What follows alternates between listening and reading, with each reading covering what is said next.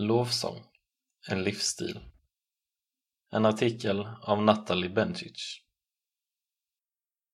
Lovsång är så mycket mer än bara musik.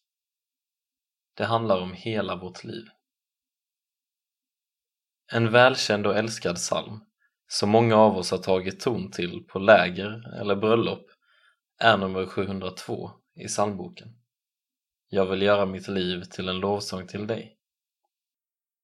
Sången skrevs 1978 och påminner oss om att lovsång är hela vårt DNA, snarare än en sång eller musikstil. Sångens poäng är inte hur väl jag lyckas med att göra livet till en lovsång, utan fokusera på den längtan och vilja jag har att ära Gud med hela mitt liv.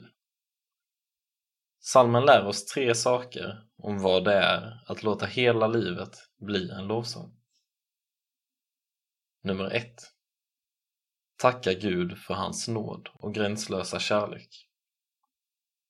Stort är det som Gud har gjort och varje dag gör för oss. Att låta livet vara en lovsång handlar om att vara uppmärksam på att Gud är en Gud som hela tiden räcker oss sin nåd och kärlek och att vi nu får tacka och ta emot. Dag för dag i allt vardagligt som vi möter. Nummer två. Bekänna att Gud är den enda som är värd att äras. Detta kan tyckas enkelt och banalt. Men jag tror att om vi rannsakar oss själva så kommer vi lätt på oss med att sätta många andra saker på samma plats som Gud. Om inte till och med högre än Gud. Det kan handla om status och saker vi gör för att passa in. Saker eller personer som vi älskar och håller fast vid till varje pris.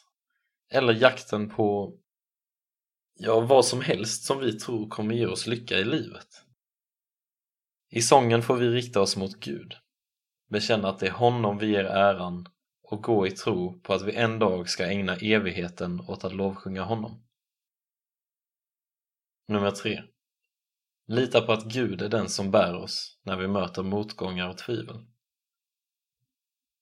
Frågan är inte om, utan när vi möter olika situationer i livet som gör att vi inte känner glädje i att komma inför Gud. Kanske handlar det om att vi uppfattar Gud som tyst och därför undrar om han verkligen finns. Men hur andra kristna behandlar oss kan likväl göra att vi drar oss undan den kristna gemenskapen. Redan nu får vi be Gud att han i de stunderna öppnar våra ögon så att vi åter får upptäcka att friden och livet självt är hos Gud. Christer Hultgren, som skrev vår psalm, var IT-chef till vardags men hade uppenbarligen musikalisk talang som han gav till Gud.